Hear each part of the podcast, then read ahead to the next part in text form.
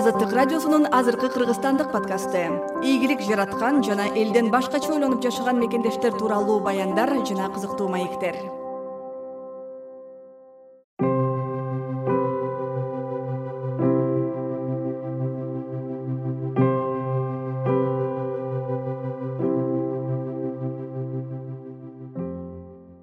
өлкөлөрдө эмнегедир ушундай мотивация жөнүндө бизнес жөнүндө кандай акча табуу керек? Он күндүн ичинде мен кантип эффективдүү боло алам? Бир айдын ичинде мен кантип бат эле байып кете алам? Жанагындай миллионердин ой жүгүртүүсү деген сыяктуу китептер абдан популярдуу болот экен. А мындай бай өлкөлөрдө мисалы ошо швейцариядан италиядан дагы келип атышты англиядан андай өлкөлөрдө классикалык произведениялар абдан популярдуу болот экен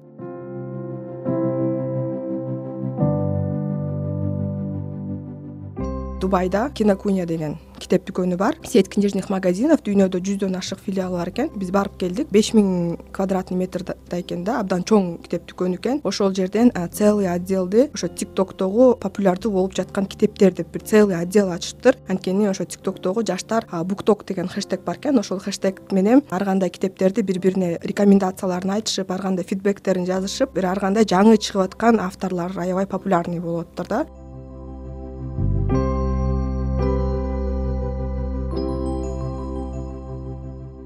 филиппинда атайын мамлекеттик орган бар экен ассоциация книгоиздателей деген. Ошол мамлекеттик орган болгон китеп сатуучуларды басма үйлөрдү конференцияларга книжный ярмаркаларга акчасын төлөп жолун төлөп отелин төлөп жиберип турушат экен да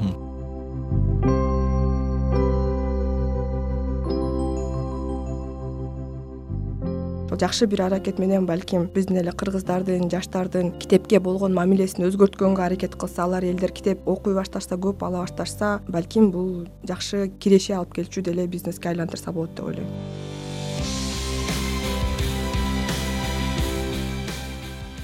саламатсызбы? Угуп жатканыңыз азыркы кыргызстандык подкастты. Микрофондо мен нурболот азамат. Бул чыгарылышта биз айдай максатбекова менен маектешебиз. Айдай бир канча ай мурун англис тилиндеги китептер сатылган кыргызстандагы алгачкы китеп дүкөнүн ачкан. Ал эми май айынын орто ченинде ал бириккен араб эмираттарындагы шаржа шаарында өткөн китеп сатуучулардын эл аралык алгачкы конференциясына катышып келди. Айдай бул иш чарада борбор азиядан чакыруу алган жалгыз катышуучу болду.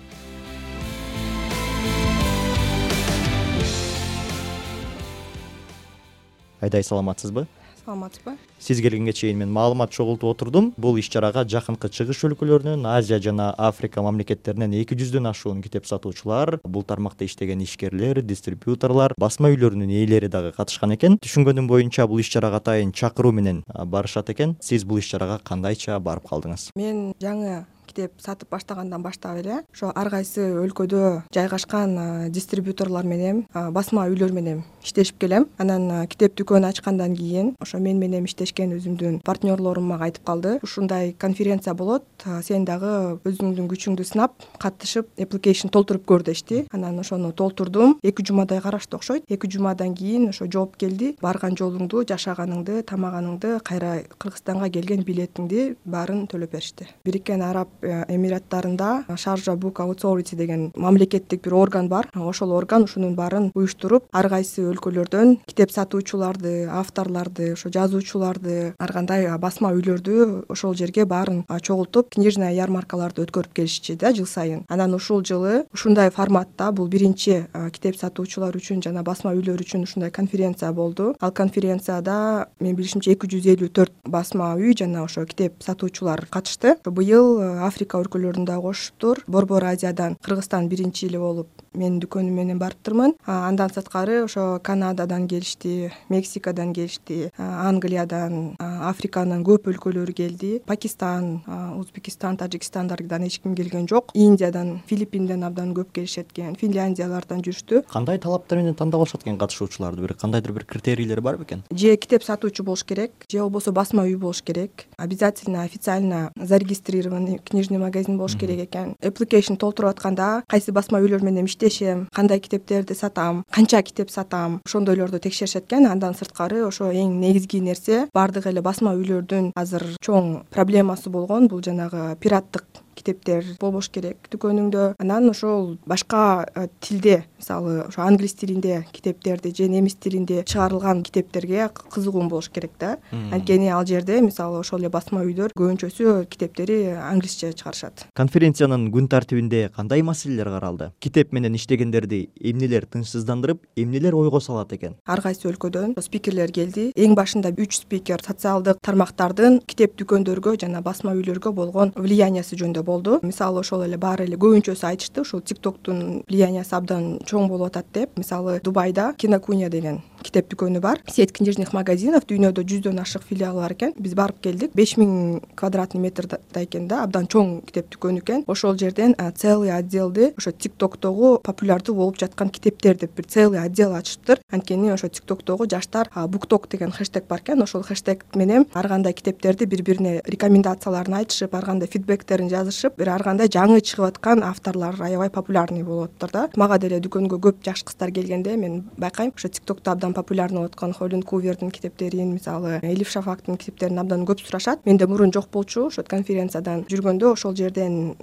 ушул китептерди чыгарган басма үйлөр менен дистрибьюторлор менен тааныштым көчө заказ бердим буюрса эки жума үч жуманын ичинде келет ошо тик токто популярдуу болгон китептер. Андан сырткары кандай жаңы тенденциялар бар китептерде? Польшада дагы бир китеп сатуучу келди анын ондон ашык филиалы бар экен. Ал дагы өзүнүн ар кандай лайфхактар менен бөлүштү да кандай реклама кылса кандай маркетинговый ходдор китеп сатууга жардам берет деп. Китеп сатуучулардын конференциясы болгондуктан көбүнчө ошо китеп сатуу боюнча болду. Эми басма үйлөргө арналган конференция дагы эми жакында болот күзүндө. Анда башка темалар талкууланат болуш керек. Биздин түшүнүгүбүздө китеп менен бизнес жасоо анчейин кирешелүү эмес. Ошол эле учурда эл аралык деңгээлде атайын конференция өтүп жатат башка өлкөлөрдө китеп менен иштөө кандай деңгээлде? Непалдан дагы бир басма үйдүн негиздөөчүсү бир байке келген. Ошол менен таанышып сүйлөшүп ошондон да мен ушул суроону сурагам. Ал иштегенине бир жыйырма беш жыл болуп калыптыр да англисче китептерди чыгарат экен өзүнүн тилинде дагы китептерди чыгарышат экен. Ал дагы айтат негизи китеп э, басып чыгаруу китеп сатуу бул абдан чоң деле мындай кандай десем көп акча э, миллион миллиард алып келчү бизнес эмес. Бирок ал дагы э, ошол китеп дүкөндөрдүн өзүнүн канча филиалы бар эми кандай сатып атат факторлор көп. Мисалы ошол эле кинокунянын обороту аябай чоң анын бир эле дүкөнүндө миллионго жакын китеп бар экен. Бир эле филиалы беш миңден ашык квадратный метр. Бул токиодо японияда негизделген китеп дүкөн да ошол жерде кичинекей эле китеп дүкөн болуп башташыптыр бирок абдан чоң бир дүкөнгө айланышты да. Эгерде кичинекей дүкөн болуп жүрө берсең балким ошо доход дагы ошондой болот бирок э, чоңоюп көбөйүп анан ошол жакшы бир аракет менен балким биздин эле кыргыздардын жаштардын китепке болгон мамилесин өзгөрткөнгө аракет кылса алар элдер китеп окуй башташса көп ала башташса балким бул жакшы киреше алып келчү деле бизнеске айлантырса болот деп ойлойм. Башка өлкөлөрдөн келген китеп сатуучулар менен жолуга алдыңыз да. Кандай тенденцияларды байкадыңыз? Аларда китепке болгон мамиле кандай экен? Сиз үчүн эмнелер жаңылык болду? Ар бир өлкөгө жараша экен. Мисалы ошо африкадан келген дагы китеп сатуучулар менен мен тааныштым мага эмнегедир именно ошолор абдан кызык болуп атты ошо африкада эмне окушат кандай китептерди окушат деп. Ошол жерден э, мен өзүм деле байкадым бирок мен байкагычакты деле бир ошо канададан келген издатель э, айтып калды. Өнүгүп жаткан өлкөлөрдө countries деп коет го мындай э, кедей мындайча айтканда өлкөлөрдө. Ошол эле биздин өлкөдө ошо африкадагы өлкөлөрдө абдан популярдуу болгон бул жанагы саморазвитияга арналган китептер абдан популярдуу экен. Руандадан анан ошо угандадан бир китеп сатуучу кыздар келди да. Жаш эле кыздар экен менин курактуу эле. Ошолор менен таанышып сүйлөшсөм алар дагы айтат atomic habits сыяктуу жана seven habits of highly effective people сыяктуу. Ушундай китептер бизде абдан популярдуу дейт. Мен көп алып келем. Бат эле өтүп кетет дейт да. Тияктан конференциядан дагы ушул жөнүндө э, спикерлер сүйлөп атышты көп эле айтып атышты китептин жанрлары боюнча кедей өлкөлөрдө эмнегедир ушундай мотивация жөнүндө бизнес жөнүндө кандай акча табуу керек? Он күндүн ичинде мен кантип эффективдүү боло алам?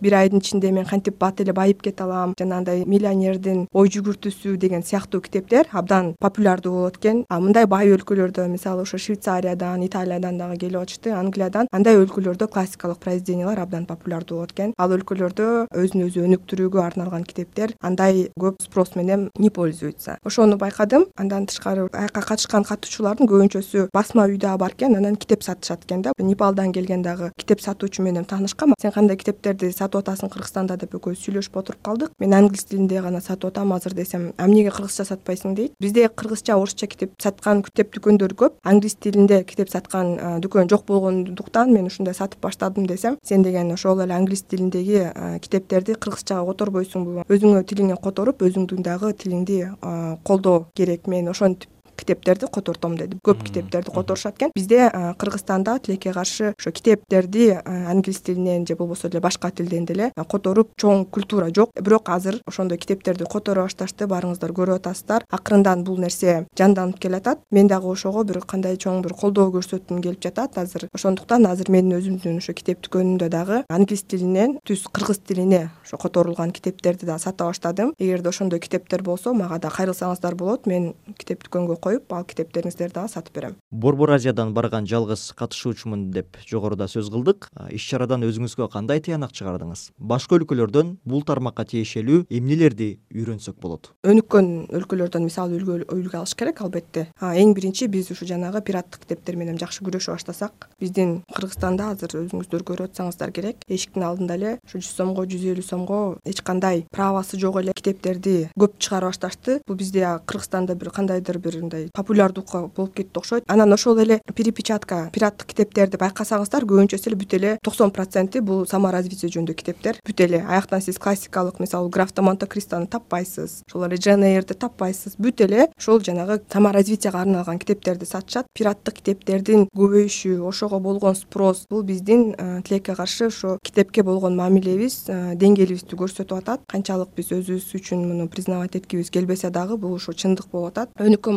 мамлекеттерде бул абдан контроль күчтүү экен. Анан ошо экинчиден китеп сатуучуларга басма үйлөргө ошол эле авторлорго ыр жазуучуларга биздин өзүбүздүн ошолорго бир мамлекеттен кандайдыр бир колдоо болсо. Мисалы жыл сайын италияда англияда ошол эле индонезияда мексикада да быйыл болот. Буюрса ошол жерлерде ар кандай букфейерлер книжная ярмаркалар болот. Ошол книжная ярмаркаларга мисалы басма үйлөр барып өздөрүнүн китептерин көрсөтүп мына мен мондай китептерди чыгарып атам болбосо бул китеп бул тилге которуп атам ошол эле өзүнүн өзү басма үй башка басма үйдөн автордук укукту сатып алып эле ошол эле классикалык произведенияларды чыгарса болот да популярдуу болуп аткан мисалы произведенияларды. Же болбосо биздин эле жакшы авторлорду кыргызча жазган китебин англис тилине деле которуп биз дүйнөгө өзүбүздүн авторлорду көрсөтсөк болот. Аны жасаса болот бирок ошо букфейрге катышыш үчүн бул адам өзүнүн каражаты менен ал жерге барыш керек. Ошол эле италияда мисалы букфейр беш күн болот экен. Беш күн ошол отельди төлөп анан аякта жүргөн бул дагы акча. Мисалы филиппинда атайын мамлекеттик орган бар экен ассоциация книгоиздателей деген. Ошол мамлекеттик орган болгон китеп сатуучуларды басма үйлөрдү конференцияларга книжный ярмаркаларга акчасын төлөп жолун төлөп отелин толоп жиберип турушат экен да.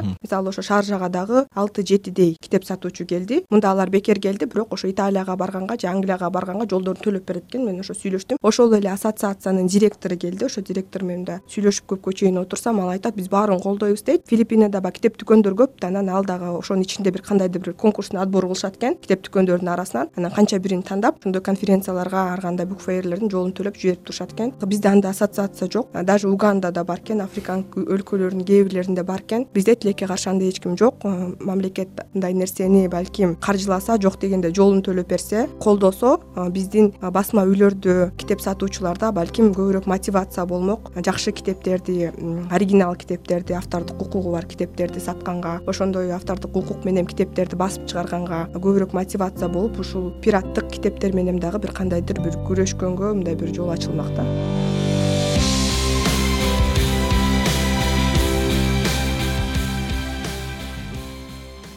сиз азыркы кыргызстандык подкастын уктуңуз. Мейманда айдай максатбекова болду. Уктурууну мен нурболот азамат даярдадым. Саламатта калыңыз